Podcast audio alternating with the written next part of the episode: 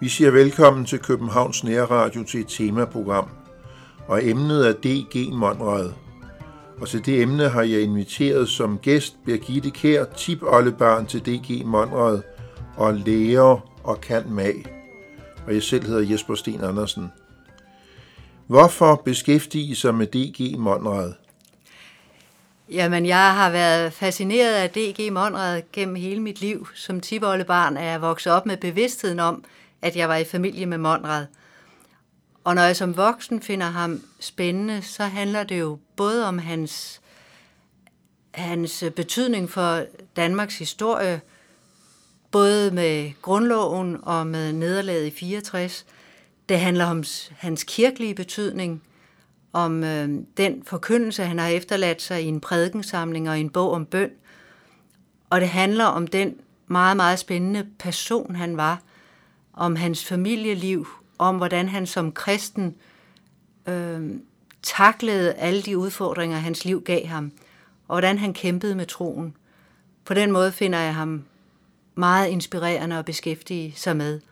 Inspirerende for, for mit eget liv. Lad os begynde med begyndelsen. Hvor og hvornår blev han født? Jamen, han blev født i København i hmm. november i 1811. Og øh, han blev født af en dansk mor og en norsk far. Så faren valgte at flytte tilbage til Norge, da Norge blev selvstændig i 1814. Så øh, kort efter der, så flyttede så hele familien op til, til øh, faren for at skabe sig en, en øh, livsbane i Norge. Hvordan var D.G. Monrads opvækst? Ja, han kom jo så der til, til øh, Norge cirka fem år gammel, og det har sat et udsletteligt indtryk på ham, både den øh, stormfulde rejse på havet, og da han så møder sin far, på det tidspunkt er han fem år, og han kan ikke huske faren fra før faren rejste. Og det han ser, det er en nedbrudt, syg mand, som grædende falder hans mor om halsen. Og den mand er hans far. Der er nemlig sket det fra farens afrejse og til familien kommer op til ham, at han er blevet alvorligt psykisk syg. Øhm, og han er ikke i stand til at forsørge familien, han er ikke i stand til at øh, være den far for den lille Ditlev, som han har brug for. Øh, han har nogle alvorlige øh, anfald, hvor han bliver voldelig, så familien kan ikke bo hos ham, men må tage ophold hos bedsteforældrene. Men det udvikler sig så gralt, at moren må nærmest flygte tilbage til Danmark med øh, Ditlo og hans søskende, da, da Ditlo er otte år gammel. Øh, faren har, har været voldelig over for moren og også haft et, et drabsforsøg på hende. Så øh, de kommer tilbage til, til Danmark, dog ikke de ældste søstre, de, de bliver og skal passe på faren. Og moren kan ikke tage sig af børnene hjemme i Danmark, flytter selv til noget familie i Sønderjylland, og Monrad kommer så i pleje hos sin moster og hendes mand i Præstø, som er øh, en købmandsfamilie. Så fra 8 år, så er hans hjem helt opløst. Øhm, og han er fra dag af i plejefamilier. Hvilken skolemæssig uddannelse fik D.G. Monrad? Jamen, han var jo i skole der i Præstø, og øh, var på sin vis også i handelslærer ved at, at gå øh, i, i onklens fodspor i forretningen, og det var egentlig den vej, man forventede, han skulle gå. Men øh, der sker det, at præsten i Præstø opdager hans meget, meget store boglige evner og laver en indsamling øh, i byen, for at der kunne blive råd til, at han kunne læse videre. Og øh, man har faktisk bevaret hans øh, bønskrift til byens borgere om at give denne her udmærkede unge mand øh, mulighed for at læse videre, for præsten er helt overbevist om, at det vil komme Danmark til gode, hvis han får mulighed for at studere. Og det gør han så, så han kan komme til Vordingborg, hvor han kan gå på latinskole, og der kommer han øh, som plejesøn hos familien Vestengård. Og det kommer til at betyde rigtig meget for ham. Både fordi han øh, i øh, ægteparet Vestengård får en erstatning for de forældre, der ikke har kunnet tage sig af ham. Det bliver hans plejemor og plejefar på en helt særlig måde. Han har kontakt gennem hele livet med dem, og hans børn kommer til at kalde dem for bedstefar og bedstemor. Øhm. Nu om dagen, så går man jo i, i gymnasium. Gik han i gymnasium? Det gjorde han faktisk ikke, fordi øh, efter halvandet år i Vordingborg, så vælger øh, Vestengård at flytte til Sorø, hvor han har fået et præstembede. Og så tager han Monrad med, og så læser han selv med Monrad og forbereder ham til studentereksamen. Så Monrad går til studentereksamen som privatist. Ja. Øhm, hjemme hos Vestengård har han faktisk også mødt en varm og hjertelig kristen tro.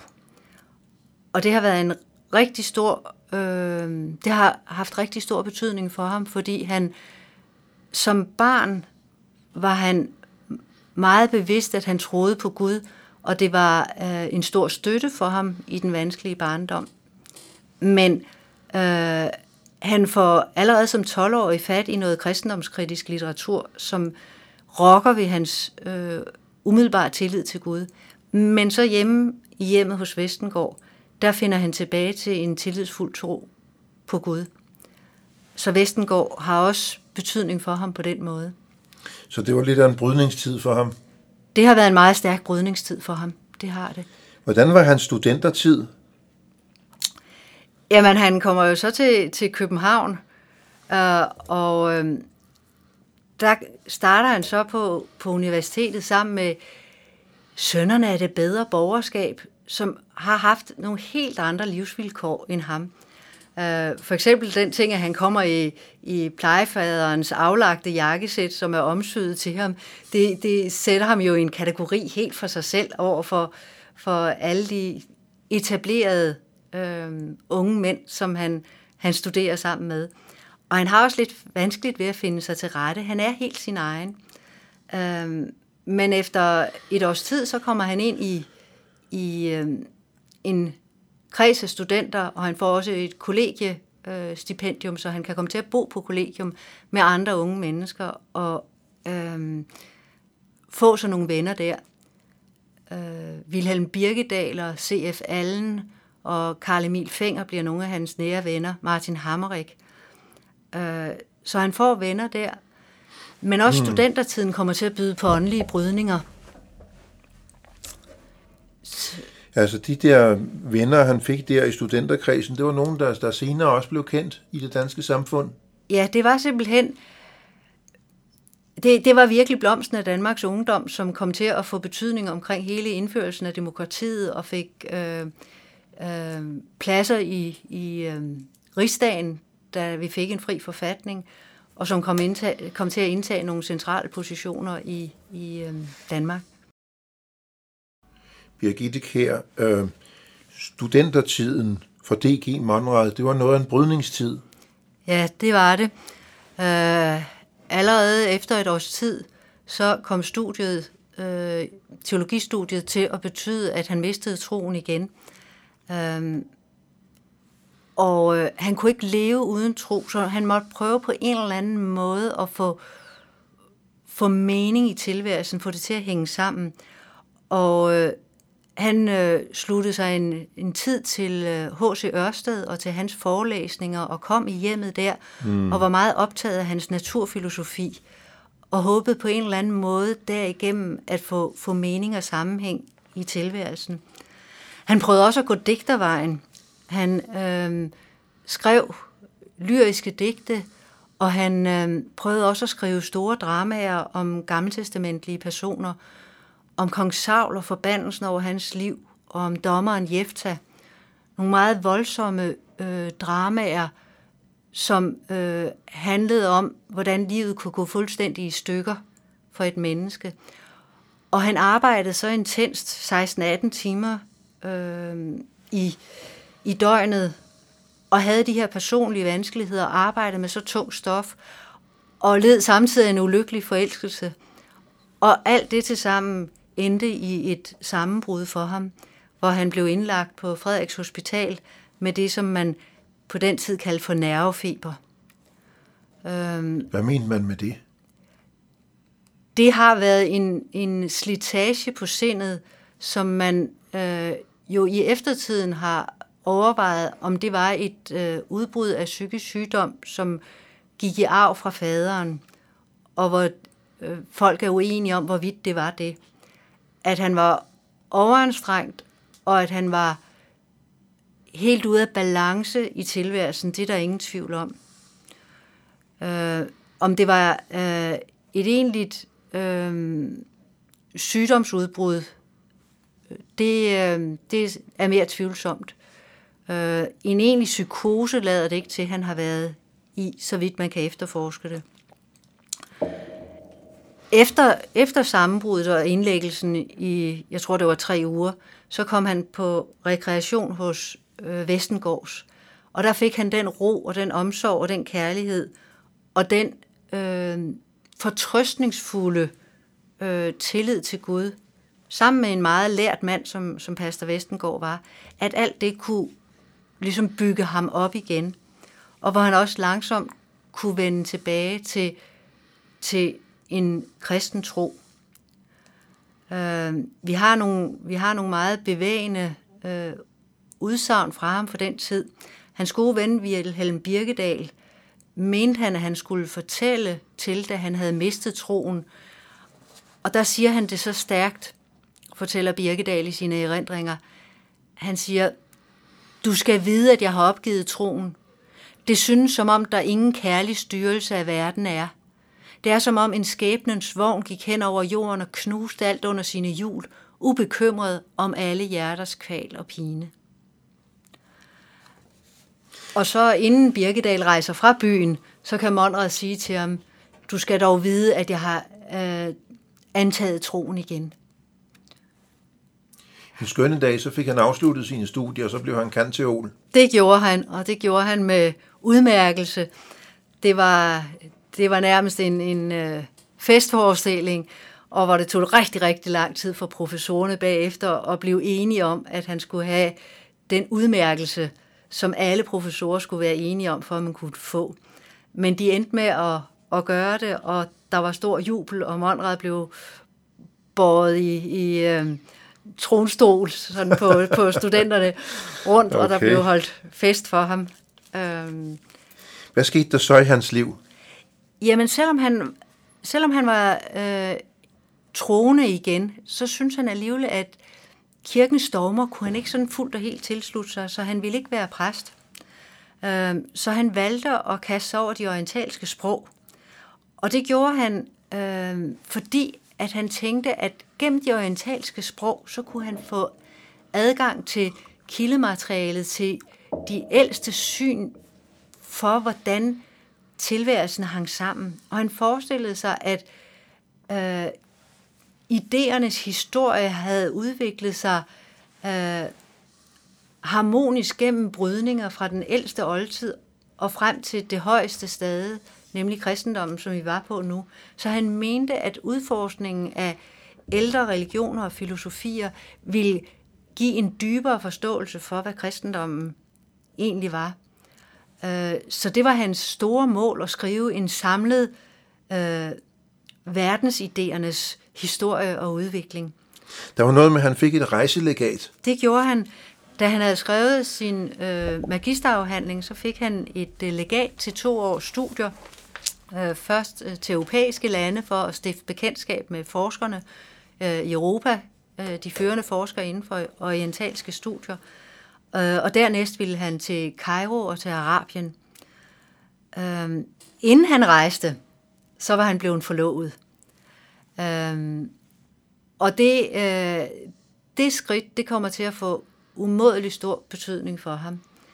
Øh, han bliver gift med, uh, han bliver forlovet med Emilie Lytans, som er øh, en borgerdatter i København af en rig murmester.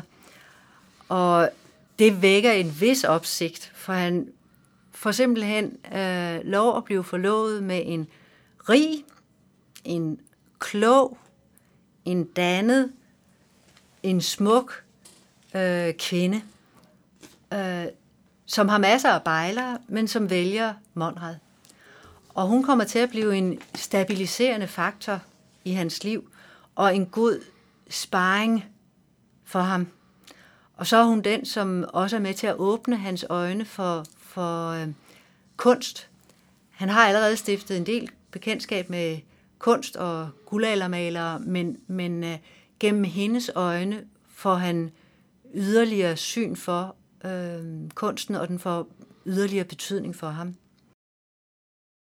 Birgitte Kær, vi var nået dertil i D.G. Monrads liv, at han var blevet forlovet med Emilie Lythans. Ja, og øh, så må han jo så rejse til Paris for at starte sine studier, og skriver mange smukke breve hjem til sin Emilie. Og en af de ting, han skriver, det er, at det, at han har fået hende, er med til at overbevise ham om, at Gud findes, og at Gud vil ham det godt. Så det er meget smukke og varme breve, og samtidig er det jo tydeligt, hvor meget han længes efter hende. Så han vælger det helt uhørte, at han afbryder rejsen, i stedet for at fortsætte direkte til øh, Cairo og Orienten bagefter, så rejser han hjem i håb om at blive gift med sin Emilie. Men murmester Lytans mener ikke, man kan gifte sig på et rejselegat. Man skal have et mere solidt fundament i livet til at gifte sig på. Så i første omgang må han øh, være i, i København som, som forlovet. Og han kaster sig så over oversættelsen af 1001 nats eventyr. Og man hører om, hvordan han en aften er på vej hjem fra besøg hos Emilie og skal hjem og fortsætte sin oversættelse. Og så bliver han mødt af vennen Barfod, som sammen med andre er på vej til D'Angleterre for at øh, tage, for at fortælle om det, at nu er kongen død, og skal man som studentergruppe bede kongen om en fri forfatning.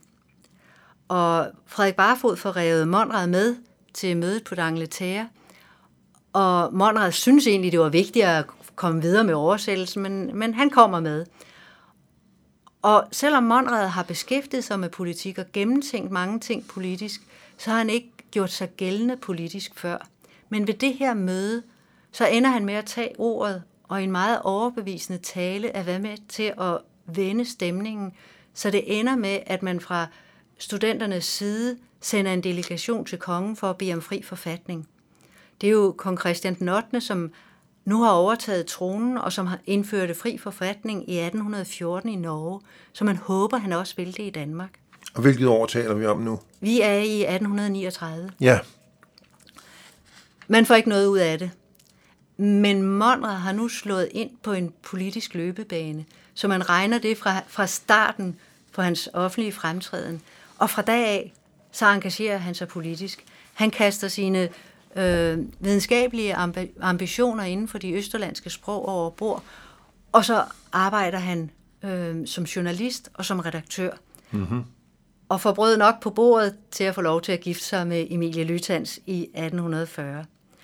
Og så får han også en stor ejendom i medgift, så han nu er borger i København og kan blive valgt til Københavns borgerrepræsentation, hvor han særligt bliver engageret i skolesagen.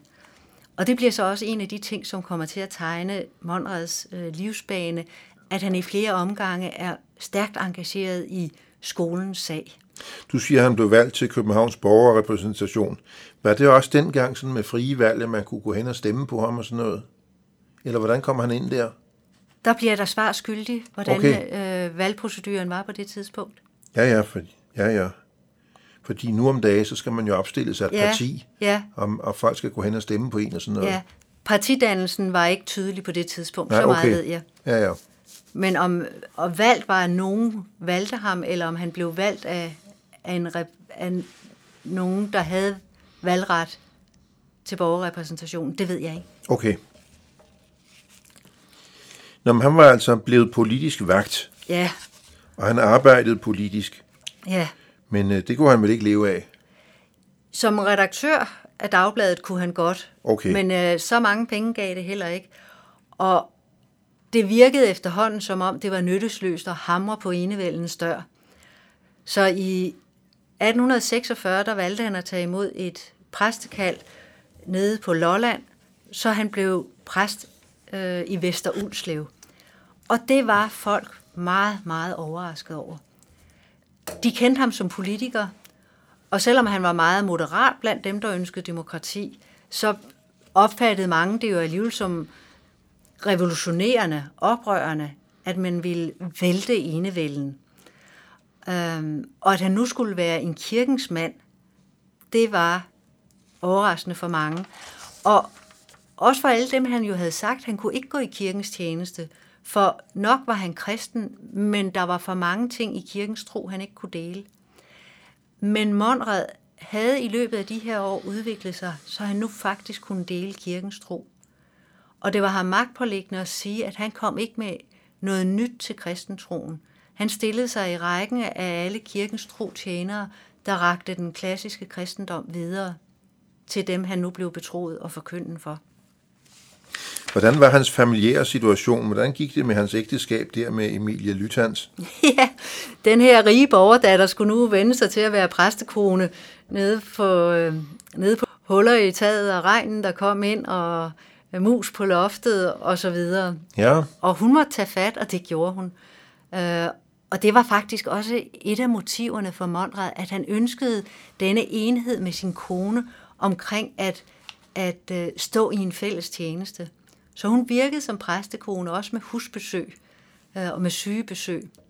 Øhm, på det her tidspunkt havde de fået flere børn. De fik seks børn i alt, men den ene øh, døde ved fødslen eller efter få dage, det kan jeg ikke huske. Men fem børn fik de lov at, at opdrage. Og de børn og hjemmet kom til at betyde meget for Monrad. Han havde jo savnet et barndomshjem, og nu havde han et hjem.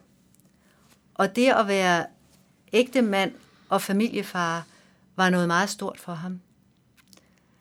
Øhm, det møder vi. Øhm, specielt har vi mange vidnesbyrd om det fra, fra hans ældre dage, hvor, hvor de voksne børn er spredt rundt om i verden på New Zealand og USA og i Vestindien, hvor vi har mange breve bevaret. Så der møder vi den her varme familiefar, som følger levende med i børn og børnebørns liv. Du sagde, at han øh, var blevet politisk vagt. Hvordan var hans forhold til, til, til enevælden der i, i årene som, som sovnepræst?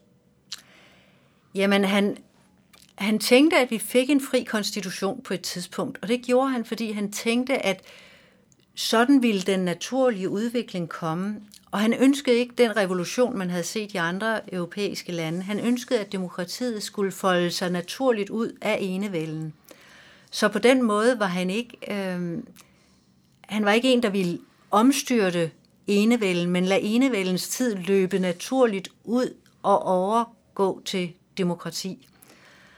Øhm, og øhm, han, han forestillede sig, da han blev præst, at vi ville få demokratiet nok inden for en 50 års tid. Og det er jo sjovt i, øh, i øh, senere tid at se tilbage på det, for vi taler 1846, og vi ved jo nu bagefter, at allerede i 1848, så dør den daværende konge, vi får en ny konge, og der kommer vi over til øh, den fri konstitution. Så i 1848, så øh, kommer den nye tid, og i 1849 får vi den nye grundlov. Den, den konge, der dør, hedder? Åh oh, ja, nu skal jeg have styr på mine konger. Jamen, det, det, det er lige for... Jeg mener, han hedder Christian den 8. Ja, det er Christian den 8., der kommer, og så er det Frederik den 7., der kommer til. Ja, okay. Som så bliver øh, ham, der, der øh, giver løfte om den fri forfatning. Ja. Forblev han dernede, jeg lige vil sige, på Sydhavsøerne? Nej, altså da, da kongen så dør, så iler han til øh, København og øh, er med i, i øh, drøftelserne om, hvordan man skal stille sig til hele den politiske situation nu.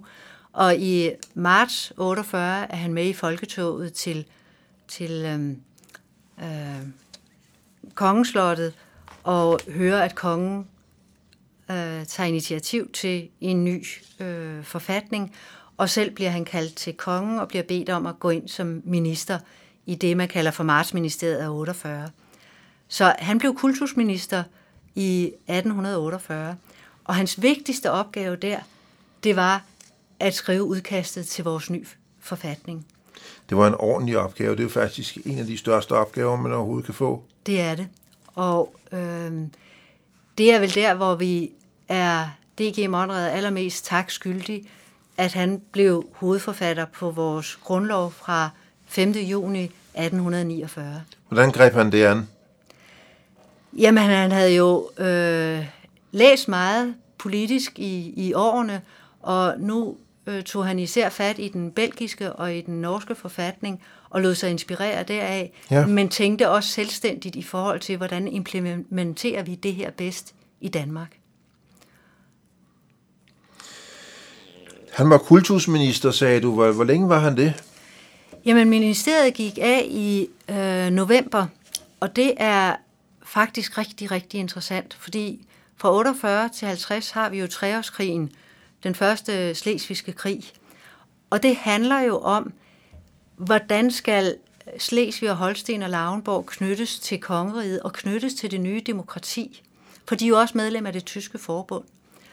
Og Martsministeriet anbefaler kongen en deling af Slesvig. Nok var Monrad helstatsmand, og de nationalliberale flest var ejderfolk, men i den konkrete politiske virkelighed kunne man ikke se noget bedre end at dele Slesvig efter sproggrænsen og efter, hvor folk følte sig mest danske eller mest tyske. Og det ville kongen ikke. Og så måtte ministeriet tage sin afsked. Ja. Og så fik vi jo krigen, øh, eller krigen fortsatte, og situationen blev aldrig holdbar, så vi også fik anden slesvigske krig i 64. Ja, Birgitte Kjær, hvad skete der nu i D.G. Monrads liv? Jamen det var sådan, at når man havde været minister, så kunne man forvente at få en passende stilling af kongen. Og Monrad havde, så vidt vi kan efterforske, været ret aktiv med at finde ud af, hvad den der passende stilling til ham skulle være.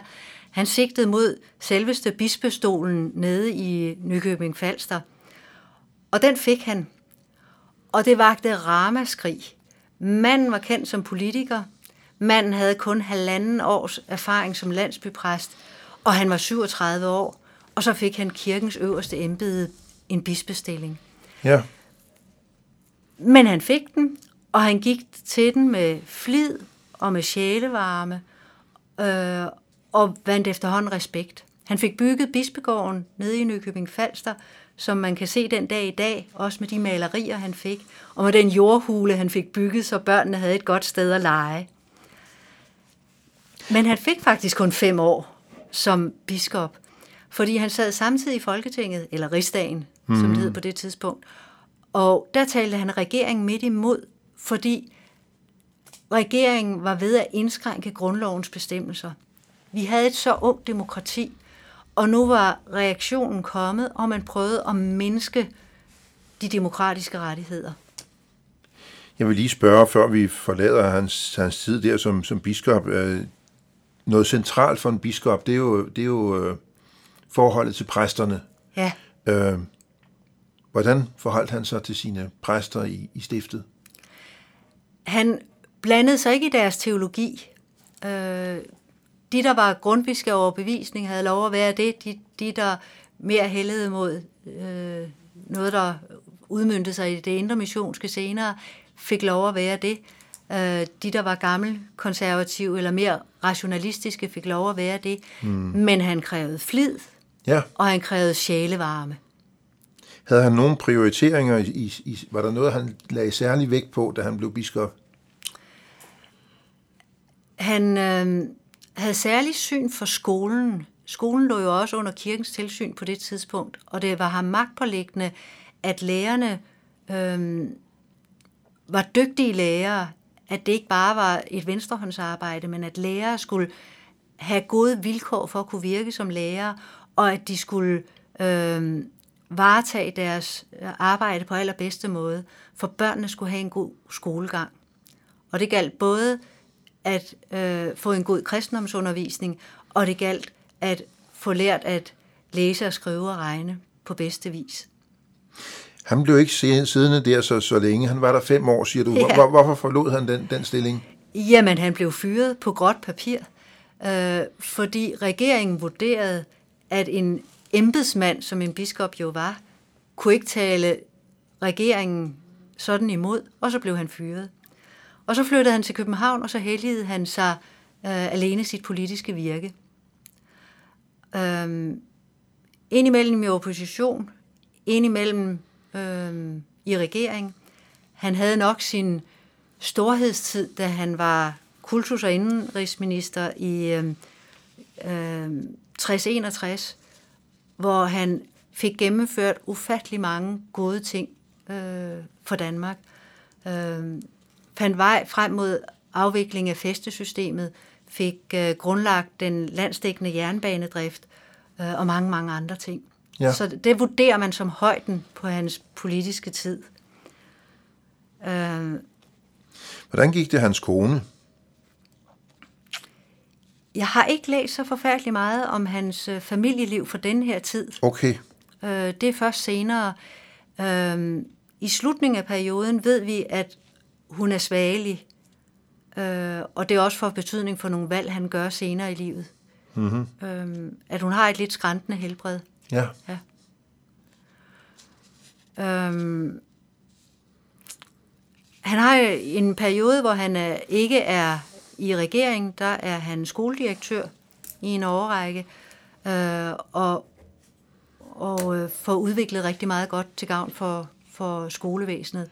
Blandt andet så sikrer han, at der kan komme øh, kvindelige lærere. Det var der mange, der så som noget forarveligt nyt, at også kvinder skulle kunne undervise. Og han fik også indført øh, efteruddannelse for, for lærerne. Jeg gik jo selv på en Sale skole, Natalie Sale, ja. hun var også en banebryder på det punkt. Ja, det var hun nemlig.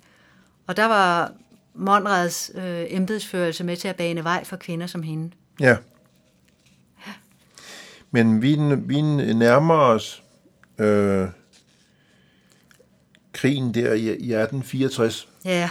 Øh, I slutningen af 1863, der modtager Monrad så øh, landets højeste embede og blev konsejspræsident. I en yderst kritisk periode i landets liv. Vi står for krig med tyskerne. Vi øh, kan ikke se vej frem, hvordan skal det gå med, med, øh, med hertugdømmerne. Og Monrad må have håbet og troet, at han med sin enorme politiske tæft har kunne finde vej frem. Vi har ikke vidnesbyrd om, at han har vidst, hvilken vej det skulle være, men han har mange års erfaring med at kunne finde vej frem i meget komplicerede situationer. Og som vi ved, så gik det ikke. Først kommer tilbagetrækningen fra Dannevirke i februar, og hvor han bliver modtaget i København som landsforræder. Øh, København er på oprørets rand. Øh, man taler om forræderi. Øhm, fordi man har opgivet uden kamp. Så kommer Dybøl, hvor man ikke opgiver uden kamp, men hvor det går grueligt galt. Så kommer Londoner-konferencen, hvor man ikke formår at blive enige om en deling af Slesvig, øh, hvor Monrad mister overblikket og overlader beslutningen til kongen. Han tager ansvar for den, men man vælger at fortsætte krigen i stedet for at acceptere en deling af Slesvig. Og så kommer nederlaget på Als og så bliver Monrad afskediget, og man indgår det forsmedelige øh, fredstilbud, eller de fredsbetingelser, der nu bliver sat, nemlig Danmark til kongeåen. Tabet af hertugdømmerne. På det her kritiske tidspunkt, der må jeg desværre meddele, at tiden er gået for, mm. for det første program her om, om DG Monrad. Og jeg vil gerne sige tak til dig, Birgitte Kær, fordi du har lagt vejen forbi Københavns Nære Radio Studie Tak til Jan Nørgaard, der sidder i teknikken. Jeg, sidder, jeg, jeg selv hedder Jesper Sten Andersen. Vi siger tak til lytterne, som er fulgt med indtil nu, og vi vender tilbage om en uge.